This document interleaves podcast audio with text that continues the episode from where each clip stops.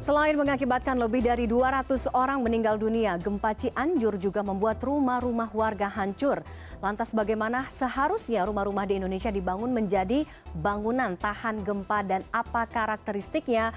Untuk membahasnya sudah bergabung bersama kami Kepala Bidang Mitigasi Gempa Bumi dan Tsunami BMKG, Pak Daryono. Selamat malam Pak Daryono. Selamat malam, Mbak. Dan juga bergabung Prof. Sarwidi, Guru Besar Rekayasa Kegempaan UIN Yogyakarta. Prof. Sarwidi, selamat malam.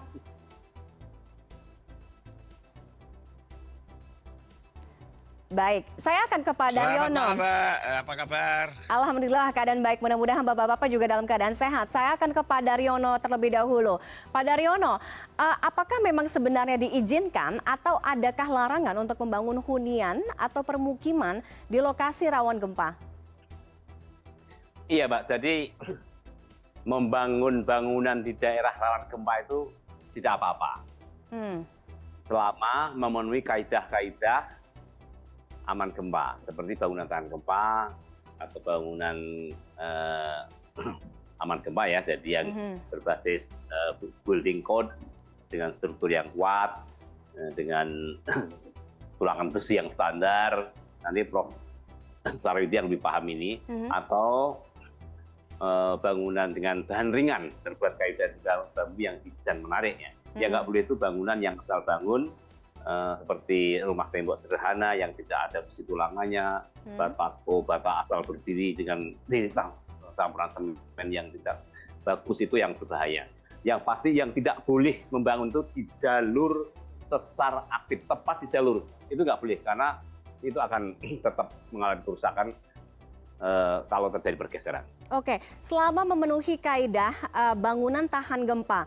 Tapi Pak Daryono yang selalu kita hadapkan ketika Indonesia em, terkena musibah bencana gempa bumi, em, yang paling membahayakan juga adalah bangunan-bangunan permukiman warga, rumah-rumah yang luluh lantak semuanya dan juga menelan korban jiwa. Nah, sehingga bagaimana kemudian pengawasan terhadap ini dia permukiman bangun bangunan-bangunan yang tadi harus memenuhi kaedah uh, tersebut yang tadi disebutkan.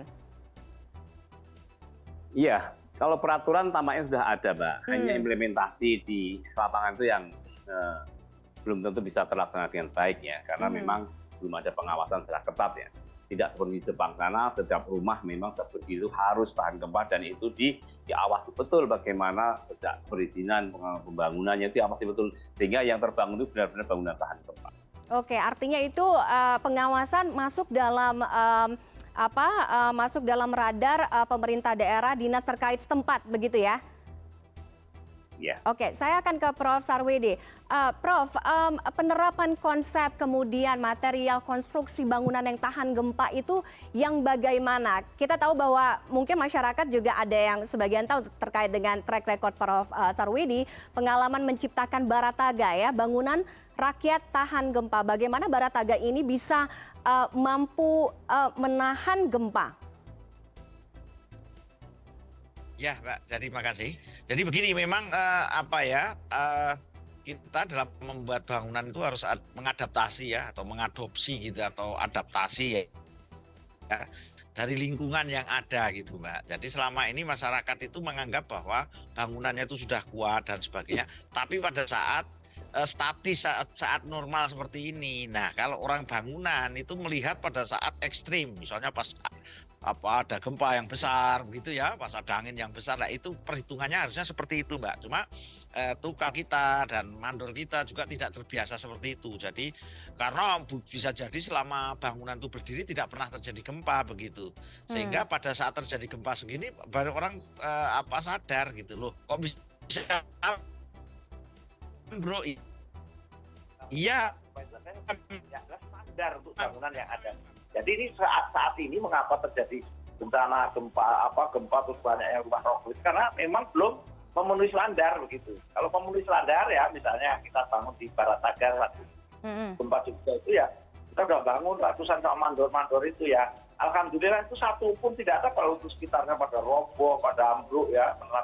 Itu tidak ada karena apa? Karena memang kita mengadaptasi ya eh, situasi yang ada di situ, Pak. Jadi karakteristiknya itu ya bagaimana membuat bangunan yang boleh rusak tapi Hmm. tidak membahayakan jangan sampai roboh begitulah mbak itu Oke. jadi konsep teknologinya seperti itu Oke. Baik, Prof, eh, yang memenuhi standar, yang ideal bangunan tahan gempa itu yang bagaimana?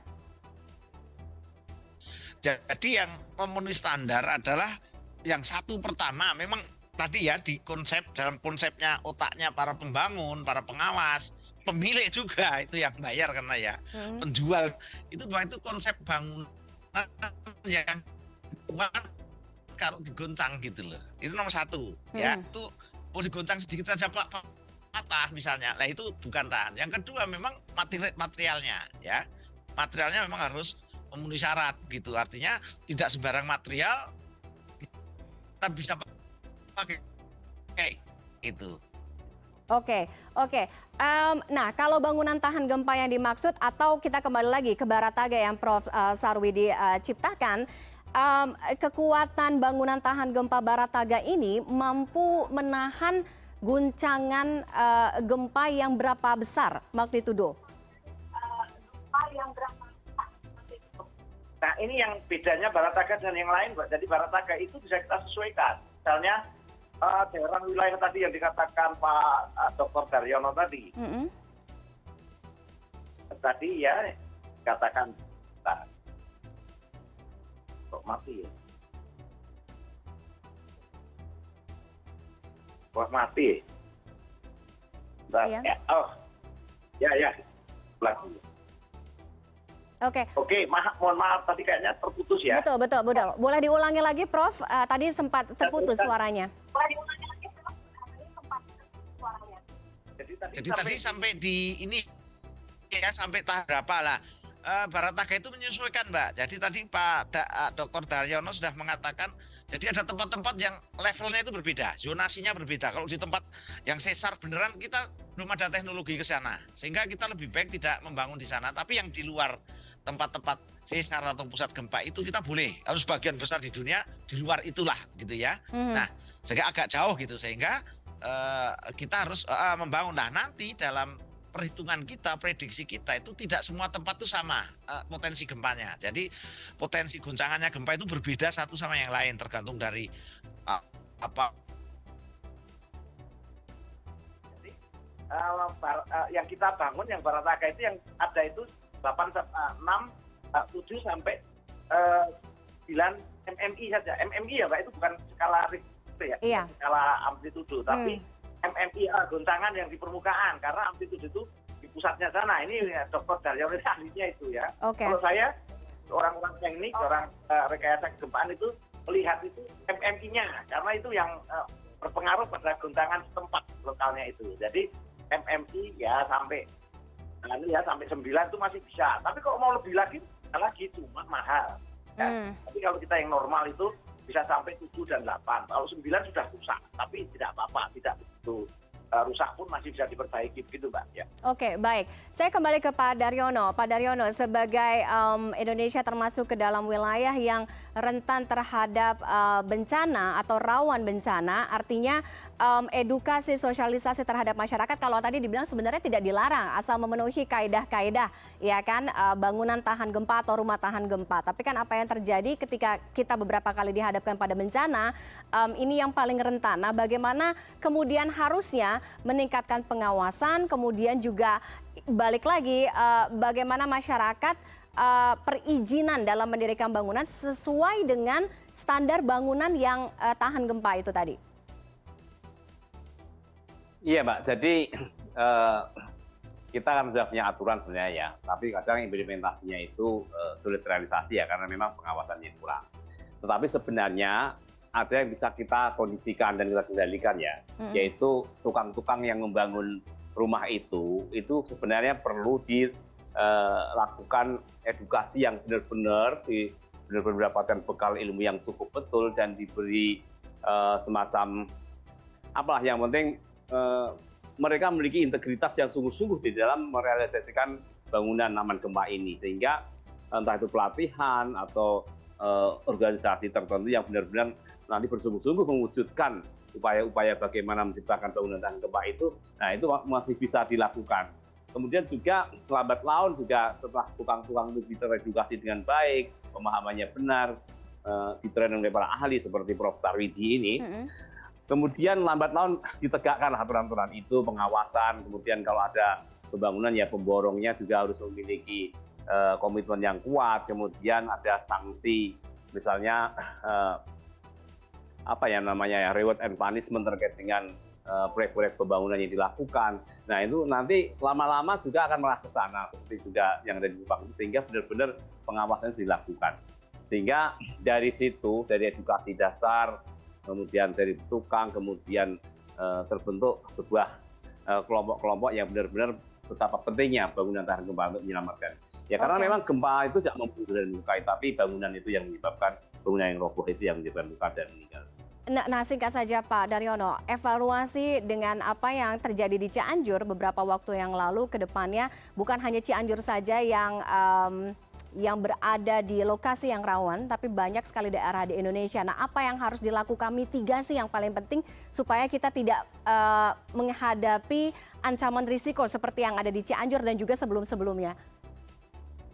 Iya, Mbak. Jadi kawasan rawan gempa itu itu memang seperti di zona di Cianjur ini merupakan kawasan rawan gempa ya, karena memang di situ eh, banyak sekali sesar, sesar, sesar utama, sesar minor yang itu semua eh, berpotensi untuk memicu gempa. Bahkan eh, di dekatnya pun ada sar Tirata, ada sar Lembang, kemudian selatan dari sisi Paminggis, itu semuanya itu menjadikan kawasan sesuatu dan kompleks dan masih banyak yang belum terrealisasi sehingga eh, ke depan seluruh kawasan ini memang harus benar-benar disiapkan bagaimana masyarakat itu benar-benar bisa mewujudkan bangunan tahan gempa itu okay. atau bangunan aman gempa yang tadi itu sehingga uh, ke depan memang bisa ada jaminan bahwa masyarakat itu selamat terjadi gempa mbak. Oh baik, uh, Prof Sarwidi uh, singkat saja um, uh, belajar dari apa yang terjadi di gempa Cianjur, bagaimana juga ke depannya kita bisa memitigasi sehingga banyak seperti Barataga ya, banyak bangunan-bangunan yang uh, tahan gempa yang didirikan di Indonesia sesuai dengan perizinan, sesuai dengan kaedah dan lain sebagainya, sehingga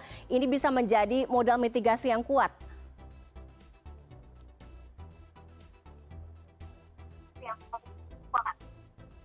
Ya, uh, jadi memang betul ya. Jadi ke depan, uh, ini pelajaran yang tahan besar ya. Sebetulnya saya lebih dari 20 tahun untuk mempelajari ini, riset ya, membuat inovasi dan sebagainya itu ya memang uh, kita uh, masih banyak negara kita masih banyak pemikiran-pemikiran yang lain beda dengan uh, negara maju yang dananya dan sebagainya ya sehingga uh -huh. masyarakat diminta di sini Indonesia ya juga ikut inovasi begitu artinya anak-anak bangsa ini biarkan dia mengembangkan diri itu membuat bangunan-bangunan dan gempa yang MB ya Baik. itu optimal itu biayanya bisa kita tekan mutunya atau uh, ke, uh, apa itu uh, ketahanan gempanya dijamin.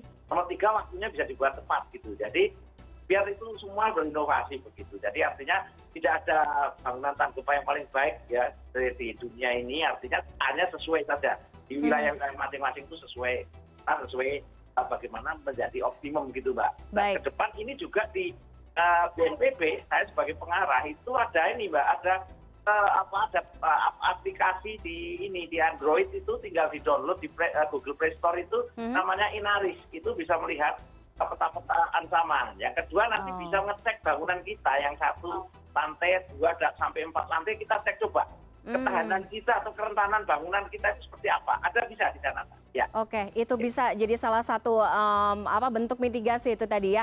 Terima kasih Prof. Sarwidi dan juga Pak Daryono sudah bergabung um, analisisnya uh, di CNN Indonesia Connected malam hari ini. Selamat malam bapak-bapak. Sehat selalu. Selamat malam. Terima kasih. Selamat malam sehat semua